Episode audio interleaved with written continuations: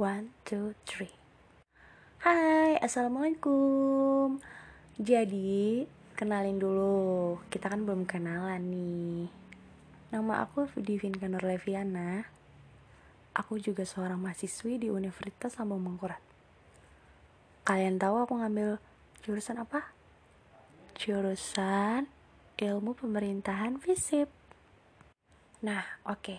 Jadi aku mau ngejelasin karena di sini aku punya tugas sebuah materi tentang mata kuliah gitu. Jadi harus bikin podcast deh. Tapi sekalian aku juga belajar gimana sih cara bikin podcast ya.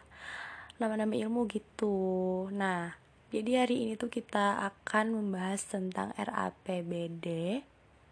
Oke, sebelumnya uh, RAPBD itu apa sih? Pasti kalian pasti bingung sama aku juga pertamanya juga nggak tahu. Jadi, itulah gunanya untuk membaca.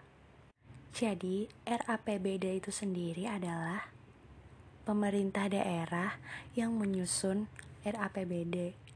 Nah, RAPBD itu singkatan dari Rancangan Anggaran Pendapatan dan Belanja Daerah.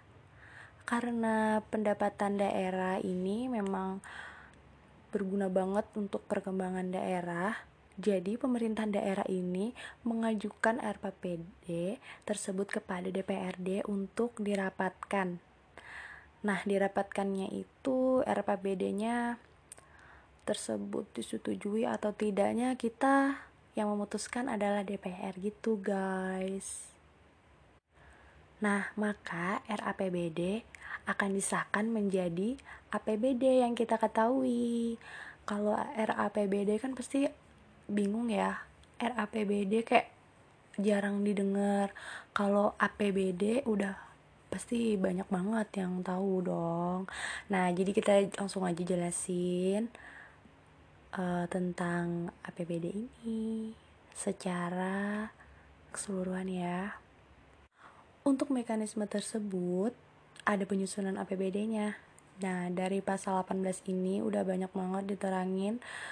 Ada tiga pasal di sini. Yang nomor satu, pemerintah daerah menyampaikan kebijakan umum APBD tahun anggaran berikut sejalan dengan rencana kerja pemerintah daerah. Sebagai landasan penyusunan era APBD kepada DPRD selambat-lambatnya pertengahan Juni tahun berjalan. Nah, yang kedua, DPR membahas kebijakan umum APBD yang dilanjut diajukan oleh pemerintah daerah dalam pembicaraan pendahuluan RAPBD tahun anggaran berikutnya. Nah, yang terakhir nih, berdasarkan kebijakan APBD yang telah disepakati eh, DPRD, pemerintah daerah bersama Dewan Perwakilan Rakyat Daerah uh, itu membahas prioritas dan plafon anggaran. Sementara uh, itu tuh untuk diajukan baga sebagai acuan bagi kesatuan kerja perangkat daerah. Gitu. Sih kita masih agak bingung nih. Jadi kita lanjut aja deh ya. Di sini juga ada pasal 19 banyak banget ada pasal 20 kalau pasal yang 19 tadi tuh ada 6 pasal gitu Nah, kalau yang pasal 20 nih ada 6. Jadi kita langsung skip aja. Nah, kita membahas uh, tentang landasan hukum penyusunan APBD. Ini tuh cukup menarik ya, karena aku juga sedang belajar nih. Kita kan masih sama-sama belajar. Nah, landasan um landasan hukum penyusunan APBD itu sini tuh aku punya ada tiga. Untuk yang pertama, uh, Undang-Undang Nomor 23 Tahun 2003 tentang pemerintahan daerah pasal 25 yang berbunyi kepala daerah mempunyai tugas dan wewenang menyusun mengajukan rancangan untuk uh, eh, APBD nih ya. Terus yang kedua ada Undang-Undang Nomor 33 Tahun 2003 tentang perimbangan keuangan pemerintah pusat dan daerah pasal 4 yang berbunyi penyelenggaraan urusan pemerintah daerah dalam rangka pelaksanaan desentralisasi didanai APBD. Nah, yang terakhir nih. Keputusan Menteri Dalam Negeri nomor 29 tahun 2002 tentang penemuan pengurusan pertanggungjawaban keuangan daerah serta tata cara pengawasan penyusunan dan penghitungan APBD. Nah, habis ini kalian paham gak sih? Pasti masih bingung ya kan? Karena uh, masih membahas tentang pasal-pasal gitu. Nah, yang dimaksud dengan pemerintahan daerah ini kalian banyak yang udah tahu atau belum? Tapi di sini aku akan membahas ya. Di sini tuh ada tiga juga terdapat gubernur dan perangkat daerah yang memerintah provinsi, ada wali kota, ada bupati. Nah, itu dia. Pasti kalian pasti sudah tahu. Dan APBD itu ada juga terbagi dari dana hasil bagi atau disebut DBH. Nah, DBH ini itu terdiri dari pajak dan sumber alam. Nah, pajaknya ini meliputi seperti pajak bumi dan bangunan dan bagian peroleh hak atas tanah dan bangunan. Nah, pasti kalian juga udah tahu ya kan pasti DBH ini tersebut tuh banyak juga yang meliputinya. Eh, salah satunya itu ada pertambangan, perikanan gitu deh.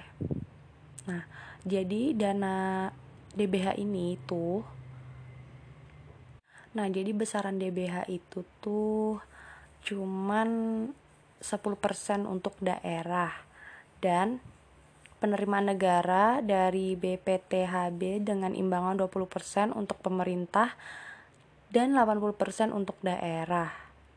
Nah, e, terus besar dana bagi hasil pajak penghasilan dibagikan kepada daerah sebesar 20%. Nah, gitu deh. Terus kita lanjut aja ya, langsung ke selanjutnya yaitu ada dana alokasi umum atau dana alokasi umum DAU.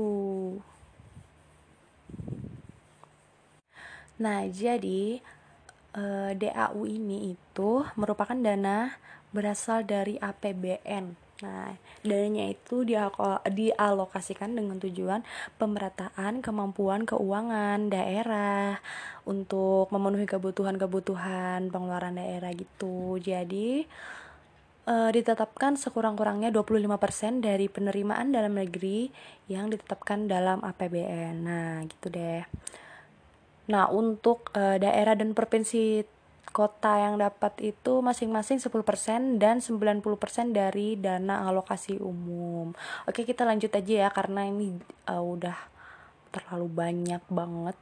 nggak cukup waktunya. Kita Nah, jadi dana alokasi khusus DAK yang ini nih menurut Undang-Undang Nomor 33 Tahun 2004 dana alokasi khusus ini tuh dana yang bersumber dari pendapatan APBN yang dialokasikan kepada daerah tertentu. Jadi tujuannya si DAK ini tuh e, seperti membantu mendanai kegiatan yang ada di daerah gitu loh. Kegiatannya tuh yang bersifat kayak nasional untuk kebutuhan yang e, apa ya dengan dialokasikan yang alokasi umum gitu.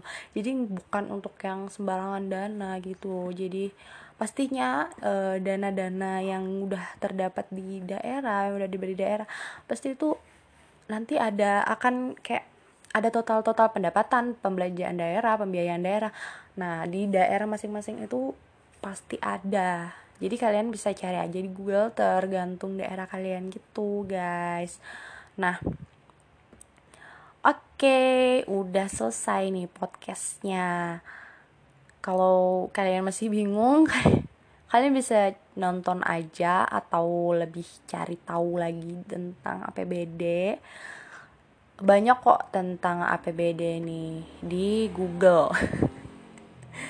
Aku jelasin inti-intinya aja sedikit aja karena waktunya terbatas dan ya Terima kasih udah mendengarkan celotehan aku ini. Semoga bermanfaat. Semoga juga menambah ilmu walaupun agak kurang dimengerti ya karena atau aku yang kecepatan ngomong karena udah memang dasarnya seperti ini ngomong aku selalu cepat.